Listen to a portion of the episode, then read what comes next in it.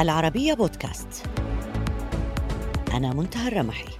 أقدم لكم حلقة جديدة من البعد الآخر. أهلا بكم.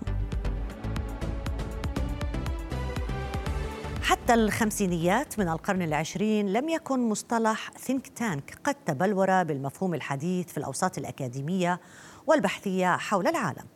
ولكن بعد التغيير الذي أحدثته الحرب العالمية الثانية ظهر المصطلح الذي يعبر عن أهمية وجود مراكز متخصصة تحاول أن تربط بين المعطيات الاقتصادية والسياسية والتاريخية ضمن رؤية استراتيجية أوسع.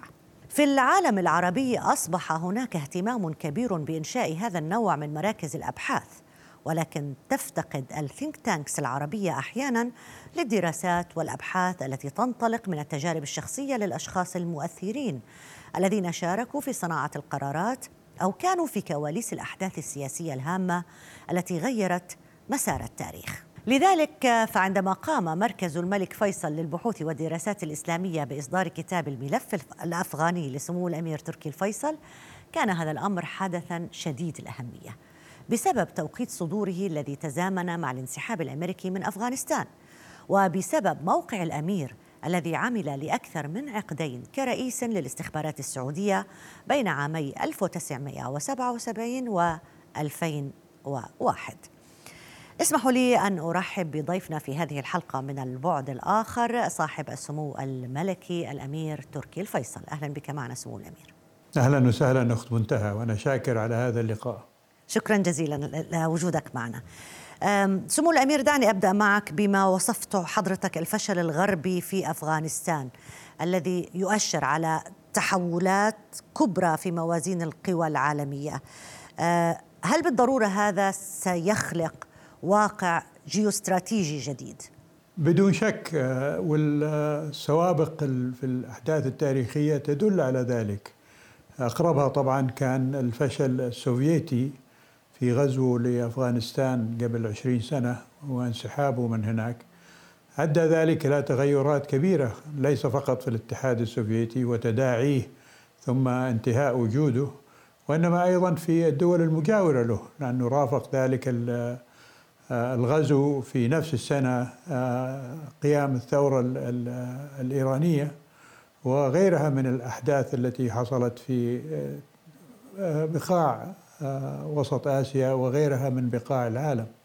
ولا شك أنه الانسحاب الأخير للولايات المتحدة آه، سيترك آه، أصداء ربما تكون إن لم تكن في مستوى الأهمية مثل ما حصل بانسحاب الاتحاد السوفيتي في ذلك الحين.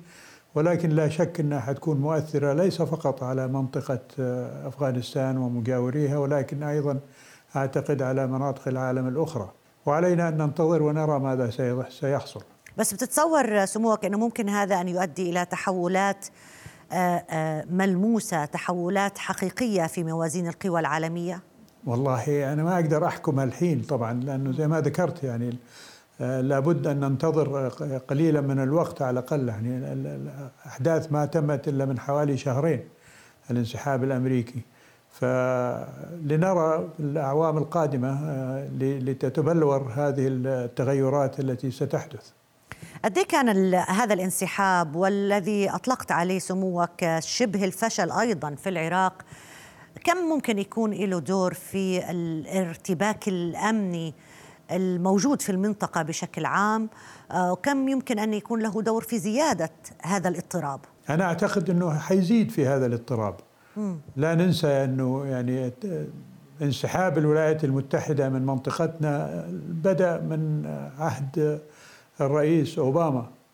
في ذلك الحين عندما قرر أن تتجه الولايات المتحدة للاهتمام بالشرق على ما ذكر وكان يقصد بذلك الصين. وتوالى ذلك في أيام الرئيس ترامب الذي وعد الشعب الأمريكي بأنه سيسحب كافة القوات الأمريكية من من كافة أنحاء العالم وقالها يعني بكل صراحة في آه، حملته الانتخابية ثم أثناء رئاسته. وأتى الرئيس بايدن طبعا وأعلن آه، أنه هو سيتبع هذه السياسة ب آه، ما هو في مصلحة الولايات المتحدة وأنه سيكون اتجاهه لإصلاح الولايات المتحدة والاهتمام بصفة خاصة بعلاقة الولايات المتحدة بالصين. فهذا طبعا بيترك آه، منطقتنا إحنا ومناطق أخرى من العالم أيضا. آه، في آه، يعني عدم معرفة أين سيكون موقع الولايات المتحدة التي كانت هي ركيزة إن كان صح التعبير لبعض الترتيبات الجيوستراتيجية ليس فقط في منطقتنا ولكن أيضا في مناطق أخرى من العالم. هذا بضطرنا نبحث عن بدائل ولا نشوف مقاربات جديدة للتعاطي مع الوضع الأمريكي الجديد أو مع السياسة الامرريكيه الخارجية الجديدة؟ أنا لست من الذين يتطلعون أو أو يعتقدون أنه أنه سيكون هناك بدائل. إذا نظرنا حوالينا يعني من هم البدائل؟ يعني الصين مشغولة بنفسها وقدراتها العسكرية محدودة في اهتماماتها المجاورة لها بخصوص جزيرة تايوان وما تريد أن تمدده من نفوذ في منطقة المحيط الهادي ومجاورتها بحر الصين. روسيا لها مشاكلها الداخلية وتجاربها في التمدد الخارجي في جوارها أكثر شيء يعني في جورجيا وفي الأوكرين. بالرغم من أنها تواجدت الآن في سوريا وأصبحت لاعب رئيسي في سوريا ولكن ليست في نظري بذات الموازاة مع الولايات المتحدة وإمكانياتها العسكرية. فأتصور إنه يعني خاصة بما يخص المملكة العربية السعودية آه، دوائرها المهتمة بها طبعا بدءا بدائرة الخليج العربي في آه، مجلس التعاون الخليجي ثم آه، في الجامعة العربية ثم في منظمة التعاون الإسلامي م. هذه هي الدوائر التي تؤثر على المملكة والمملكة تؤثر فيها. فأعتقد سيكون هذا تركيز المملكة على هذه الثلاث دوائر أكثر من أن أو إيجاد بديل أو استبدال الولايات المتحدة بدولة أو دول أخرى. طيب في في مقاربة جديدة ومقاربة أخرى مختلفة ربما تكون وهو الالتفات لموضوع الأمن الإقليمي العربي اولا عن طريق تعزيز العمل العربي المشترك ثم النظر في إمكانية أن يكون هناك نوع من التواصل التوازن آه، بالقوى الإقليمية الكبيرة المملكة العربية السعودية إيران تركيا من أجل حماية هذه المنطقة. هل هذا أمر يعني يمكن تطبيقه وإلا أنه صعب بسبب هذه الطموح الإيرانية والتركية أحيانا أيضا في المنطقة. والله الصعوبة تأتي منهم هم. م. يعني إذا كان ذكرت لك ملف المآخذ آه، على على سلوك إيران يعني فملف كبير جدا. يعني بدءا من حرق السفارة السعودية والقنصلية السعودية في في طهران وفي مشهد آه، إلى تدخلات إيران في اليمن وفي البحرين وفي العراق وفي سوريا وفي لبنان وفي فلسطين.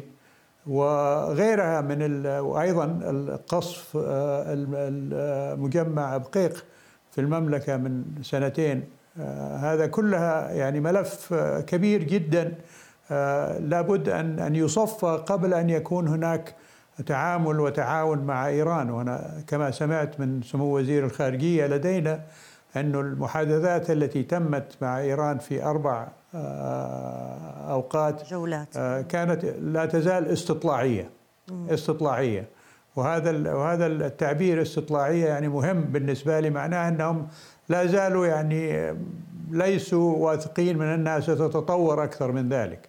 أما بالنسبة لتركيا فطبعا مثل ما تفضلت يعني الطموحات التركية هي التي ربما كانت يعني تعكر صفى الأجواء آه، ليس فقط بين المملكة وتركيا ولكن بين دول عربية أخرى وتركيا مثل مصر آه، مثل دولة الإمارات العربية المتحدة آه، ونشاطها في ليبيا طبعا. فهذه يعني راجعة لتركيا أن, أن, أن تصلح أو تصحح مسارها قبل أن يكون هناك تواصل معها على مستوى أمن إقليمي. طيب الأمن في النظام العربي بعيدا عن القوى الإقليمية آه، ما فينا سمو الأمير أنه نتحدث عنه دون أن نذكر في 11 سنة تقريبا وكأنها سقطت من العمل العربي المشترك اللي هي منذ بداية ما أطلق عليه الربيع العربي حتى الآن التوترات باستمرار ما بين الدول العربية البينية حول ملفات لها علاقة بشؤون داخلية لدول أخرى لأن تأثيراتها على الجميع.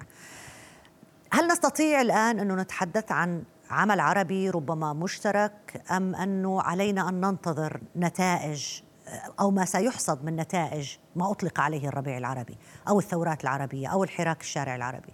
أنا قبل شهر تقريبا في لقاء في الشارقة في دولة الإمارات العربية في كلمة لي هناك دعيت إلى انه يكون في هناك تعاون بين مجلس التعاون الخليجي والجامعة العربية في إيجاد تصور لأين سننطلق مع بعض لخدمة المصلحة العربية بصفة عامة والإنسانية آه، بصفة اعم فهذا أعتقد أمر مطلوب من آه، من آه، دول مجلس التعاون بعلاقتها ووجودها الجذري والمهم في جامعة الدول العربية أن أيضا تشترك مع باقي أعضاء الجامعة العربية في إيجاد هذا التصور الذي يخدم مصالحنا لأنه إحنا في حاجة إلى ذلك. م. اليوم أكثر من أي يوم مضى.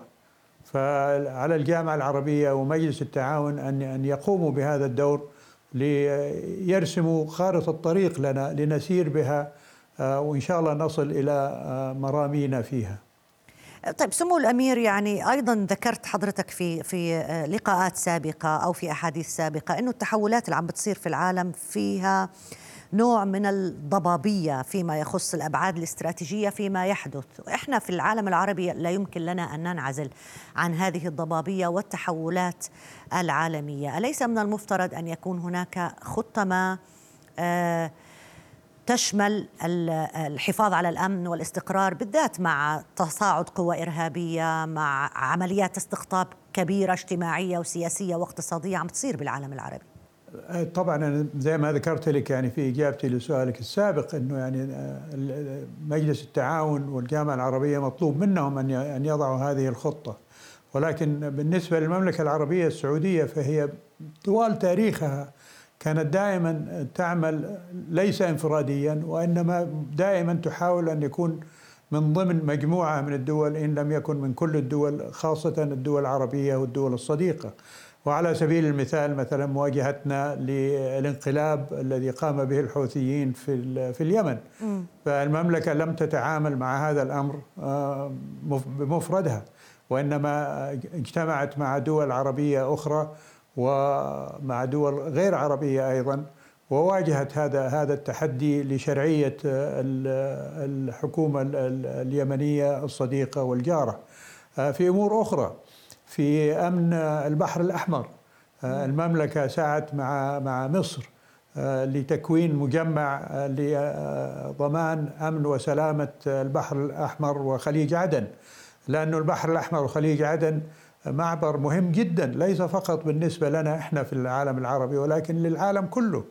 أعتقد على ما فهمت من بعض الإحصائيات انه ربما ثلث تجارة العالم تمر عبر البحر الأحمر. فلك أن تتخيلي ما يعني ذلك بالنسبة للعالم. فهذه كان دائما ديدن المملكة أنها تكون آه، تكون آه، جماعات صديقة ومتآلفة ومتعاونة لمواجهة هذا الأمر. بالنسبة للإرهاب المملكة سعت لإيجاد التعاون الإسلامي. في سبيل مواجهة هذا الخطر اللي يهددنا كلنا وليس فقط كمسلمين ولا وإنما كبشر. فهذا كان ديدن المملكة وستستمر عليه. سمو الأمير اسمح لي أن أرجع معك شوي للملف الأفغاني. آه للإصدار آه إصدار الملف الأفغاني. طوال الأربعين سنة الماضية كان في حرب متصلة بلا توقف في أفغانستان. هل بنيت أي تصور لوصول الأمور إلى ما وصلت إليه حاليا لأن تسقط أفغانستان في هذه الحالة بعد أربعين سنة؟ والله يعني الاستنتاجات عن أمر أفغانستان في أغلبها استنتاجات محزنة. والاكثر شيء مؤلم فيها طبعا هو معاناة الشعب الأفغاني. فمنذ الغزو السوفيتي هذا الشعب لم يرى فترة استراحة ولو كانت بسيطة. وإنما من حرب إلى حرب ومن قتل إلى قتل ومن تدمير إلى تدمير. إن كان على أيادي السوفييت أو على أيادي آه، الجماعات الإرهابية أو على أيادي آه، الأمريكان وحلف الناتو وغيرها من التدخلات العسكرية. فما استنتجته أنا في الحقيقة أنه هذه جريمة يجب أن العالم كله آه، يجتمع لتصفية تبعاتها في أفغانستان وحق للشعب الأفغاني علينا كلنا أننا نسعى لإيجاد هذا الحل وإيقاف الدمار والقتل في في أفغانستان. استنتاج آخر هو أنه ما يأتي من الخارج من ناحية الغزو العسكري لفرض سلوك أو أسلوب معين إن كان في الحكم أو في المجتمع أو إلى غيره لا ينجح. فرأينا الاتحاد السوفيتي يحاول أن يفرض على أفغانستان أن تصبح دولة شيوعية ولم ينجح في ذلك. والآن رأينا أن الدول الغربية التي شكلت ما تبع الغزو الأمريكي في ذلك الحين من حكومة ومن آه، تجمعات في المجتمع الأفغاني وطرق لتسوية الأمور هناك آه، أيضا آه، لم تنجح فمطلوب مننا أن نضمن سلامة أفغانستان ويكون الأمر للشعب الأفغاني ليقرر مصيره بنفسه بدون تدخلات من الخارج. هو صدور الملف الأفغاني الكتاب مع الانسحاب الأمريكي من أفغانستان، هل كان التوقيت مقصودا؟ ابدا. يعني في قصة يمكن أرويها لك. بعد ما تعينت سفير في المملكة المتحدة في عام 2003 وكان هذا طبعا تبع أحداث 11 سبتمبر وما نشر من من من اتهامات و اغلاط عن المملكة وتأييدها للطالبان أو لبن لادن أو إنه آه، مؤامرة سعودية وإلى آخره. فاستأذنت من المرحوم الملك عبد الله الله يرحمه ويسكن الجنة إني أكتب كتاب عن آه، علاقة المملكة بأفغانستان وبالطالبان. فوافق الله يرحمه وأمر بتسهيل مهمتي من قبل آه، الأجهزة الحكومية. فشرعت في ذلك بالتعاون وطبعا كان الهدف من الكتاب هو التواصل مع مع القارئ الأجنبي أكثر من القارئ العربي أو القارئ السعودي. فقررت أن أكتب الكتاب باللغة الإنجليزية وتعاونت مع مؤرخ آه، بريطاني له معرفة بمنطقتنا. اسمه مايكل فيلد وكان أصدر كتب عن عن منطقتنا وعن شخصيات في في المنطقة عندنا. فجزاه الله خير يعني اجتمعنا وصرت أروي له ما لدي من معلومات وقدمت له ما جمعته من وثائق وإلى آخره. وتولى هو يعني متابعة بعض الأمور في البلدان المختلفة ذهب إلى أفغانستان وباكستان وروسيا وأمريكا لجمع الوثائق وإلى آخره. وانتهينا من من كتابة الكتاب بنسخة نهائية إذا كان صح التعبير في عام 2007 وبعث لي هذه النسخة آه، بالبريد الإلكتروني. آه، في حينها آه، كنت توي انتهيت من عملي في الحكومة وتقاعدت وبدأت نشاطي في مركز الملك فيصل للبحوث والدراسات الإسلامية. ولسبب أو لآخر يعني لا أستطيع أن أفسر اليوم آه، بقي هذا الكتاب على آه، الحاسوب آه، في أمامي إلى عام 2018 عندما بدأت الاحاديث عن ذكرى 40 سنة للغزو السوفيتي لأفغانستان. فأنزلت الكتاب من من من حاسوبي وقرأته مرة ثانية وقلت لابد أنه يعني أنشره في بمناسبة آه، مرور 40 عام. وبدأت أبحث طبعا آه، عن السيد مايكل فيلد آه، خشية من أنه قد أصابه شيء ولا أمر ما. فالحمد لله يعني وجدته بصحة جيدة وعاودنا الاتصال مع بعض وجددنا بعض بعض المعلومات التي طبعا خلال الفترة من 2007 إلى 2018 يعني أمور جرت في أفغانستان كان لابد من العودة إليها وذكرها في الكتاب. صحيح. وصادف أنه قدمنا الكتاب لدور النشر في عام 2020 آه، الغربية في أمريكا وفي بريطانيا وأكثر من 23 دار نشر رفضت نشر الكتاب. إلا دار واحدة اللي هي نشرت الكتاب في, في, في الأخير. طبعا هذا لم يأخذ, يأخذ في الحسبان مطلقا أن صدور الكتاب في شهر سبتمبر من العام هذا سيكون هو في نفس الشهر اللي انسحبت فيه أمريكا من من أفغانستان. ولكن هذه من الصدف ربما التي ستزيد في اهتمام الناس بالكتاب. طب بالنسبة للملف العراقي سمو الأمير هل يتشابه بأي شكل من الأشكال مع الحالة الأفغانية؟ في الإنهاك من حالة الحرب المستمرة ولا ظروف العراق والدعم العربي يجعله أكثر قدرة على القيام من جديد خاصة بعد الانتخابات العراقية الأخيرة. وبالذات بسألك هذا السؤال سمو الأمير لأنك بتركز دائما على التحذير من مسألة الفراغ الاستراتيجي الذي يمكن أن يملأ بقوى خارجية في منطقتنا الآن تحديدا إيران يعني. مضبوط. وللأسف يعني خلفية الأوضاع في العراق تعود إلى آه، غزو العراق للكويت. آه، وقبل ذلك الحرب العراقية الإيرانية. آه، وللأسف أنه يعني تلك السنوات يعني مضت على شعب العراق الذي عانى معاناه من تدمير ومن حروب ومن حظر دولي بعد غزو العراق للكويت الذي أدى لتداعي المجتمع الإيراني. وتبع ذلك طبعا الغزو الأمريكي يعني م. الذي على ما يقولوا شقلب الدنيا على رأسها في العراق بإلغاء كافة المكونات الحكومية في العراق من من أمن وجيش وحكومة وغيرها وزارات وغيرها وإعادة تشكيلها بطريقة أنا أعتقد إنها كانت طريقة خاطئة. أنا أذكر إنه أثناء الغزو الأمريكي للعراق أنا كنت سفير في في في بريطانيا. وكنا نجتمع مع المسؤولين البريطانيين بين حين وآخر. فكنت دائما أنبههم إلى أنه يعني عندما يأتي وقت إعادة بناء المجتمع والحكومة العراقية أن لا يؤخذ بمبدأ المذهبية أو العرقية كأساس لتكوين هذا الكيان الجديد.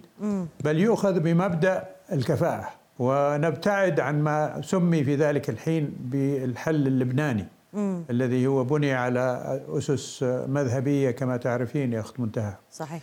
فللأسف يعني لم يؤخذ بهذا الرأي بل يعني كرسوا في الحقيقة أن يكون المنطلق لإنشاء دولة في العراق هو الانتماء للمذهب.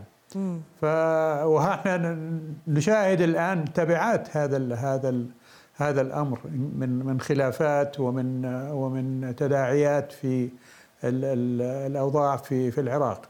فلا شك أنه تواصل المملكة الآن مع العراق آه، القوي واللي الحمد لله يعني نما وترعرع وأصبح آه، ملموس يعني ونشاهده في عهد الملك سلمان الله يسلمه.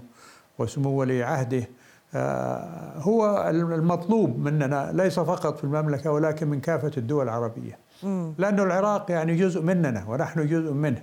فلا يمكن أن يترك العراق آه، لقمة صاغرة للإيرانيين بالرغم من أنهم استغلوا هم الغزو الأمريكي للدفع بنفوذهم هناك. ولكن شاهدنا الحمد لله من الشعب العراقي الأبي أنه رافض هذا التدخل الإيراني. فلو تذكر يا أخت منتهى من منذ أن قامت المظاهرات في العراق من أكثر من ثلاث سنين والتي انطلقت من البصرة اللي غالبية سكانها من الشيعة الإخوان الشيعة كان مطلب المتظاهرين آه، بكل صراحة هو إيران برا برا. آه، واستمر هذا النداء في كافة المظاهرات التي حصلت من البصرة وشمالا إلى إلى شمال العراق إلى الموصل. فهذا أمر يعني لازم يجب أن أن يعوه آه، الإيرانيين أنهم يعني بتدخلهم هذا الفظ وال وال وال والغير مقبول أنه الشعب العراقي ما يريدهم هناك. فيجب أن يسحبوا أنفسهم من من هذا التدخل الغير مقبول يعني في الحقيقة. صحيح. الميليشيات الإيرانية الحقيقة في العراق كما في لبنان كما في سوريا واليمن أيضا. دائما ما نناقش عن طريقة ما لمواجهتها. لكن دعني يعني أخصص الملف اللبناني قليلا معك سمو الأمير. في تشابه بينه وبين ما يحصل في العراق في وجود لإيران كبير في لبنان. ما الذي يمكن أن أن نقرأه بعيني الأمير ترك الفيصل تجاه ما يحدث في لبنان الآن؟ والله أمر مؤسف في الحقيقة ما يحصل للبنان. وأيضا يعني كما في العراق وكما في أفغانستان الذي يدفع ثمن ذلك هو الشعب اللبناني. الشعب اللبناني يعني بكافة مكوناته ومن ضمنها الإخوة الشيعة في في لبنان. ليسوا ليسوا كلهم يعني راغبين بسيطرة حزب الله على على لبنان كما هو حاصل اليوم. لكن كيف إيجاد حل في ذلك؟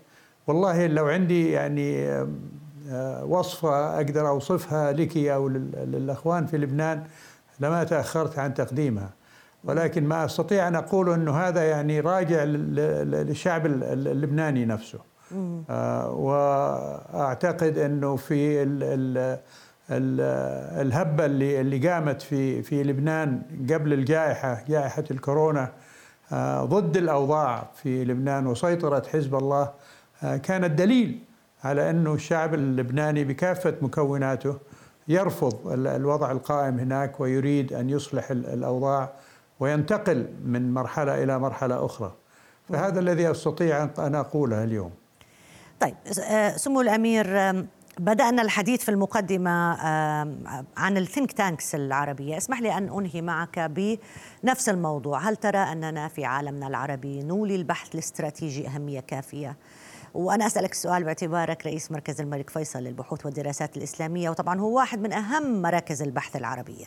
والله أنا شايف يعني تطور إيجابي جدا يعني في هذا الأمر ليس فقط في المملكة العربية السعودية ولكن في دول أخرى إن كان في دول مجلس التعاون أو حتى في دول شمال أفريقيا و في الأردن في في مصر وغيرها من من الأماكن. فيبدو أن هناك يعني وعي عند عند الشعوب العربية بصفة عامة لضرورة إيجاد مثل هذه المراكز. والحمد لله يعني نجد أيضا أن الحكومات تشجع هذا الأمر. ففي المملكة العربية السعودية اليوم يعني على ما أحصيت أنا شخصيا يعني في أكثر من 20 مركز للدراسات الاستراتيجية في مختلف التخصصات وليس مجرد في الأمور السياسية. إن كان في أمور المجتمع إن كان في أمور الدين إن كان في أمور الاقتصاد إن كان في أمور التجارة كلها يعني أصبح هناك يعني تطور مهم لإيجاد مراكز واماكن للتخصص في في البحوث وإجراءها. وليس فقط يعني اكتفاء بالباحثين السعوديين. وإنما كما يعمل مركز الملك فيصل للبحوث والدراسات الإسلامية فنحن ندعو باحثين من خارج المملكة من كافة دول العالم أن يأتوا ويجروا بحوثهم عندنا ونوفر لهم المكان وال وال والإمكانيات الإدارية وغيرها لتسهيل بحوثهم. فهذا أمر أعتقد إيجابي جدا الحمد لله ويبشر بالخير. يعني بنصير على الطريق الصحيح، ألف شكر لك سمو الأمير على مشاركتك معنا هذه الحلقة من البعد الآخر، شكرا جزيلا. وأنا شاكر لك يا أخت منتهى. شكرا شكرا. شكرا. إلى هنا انتهت حلقة اليوم من البعد الآخر يمكنكم دائما متابعتنا على مواقع التواصل الاجتماعي تويتر فيسبوك ويوتيوب إلى اللقاء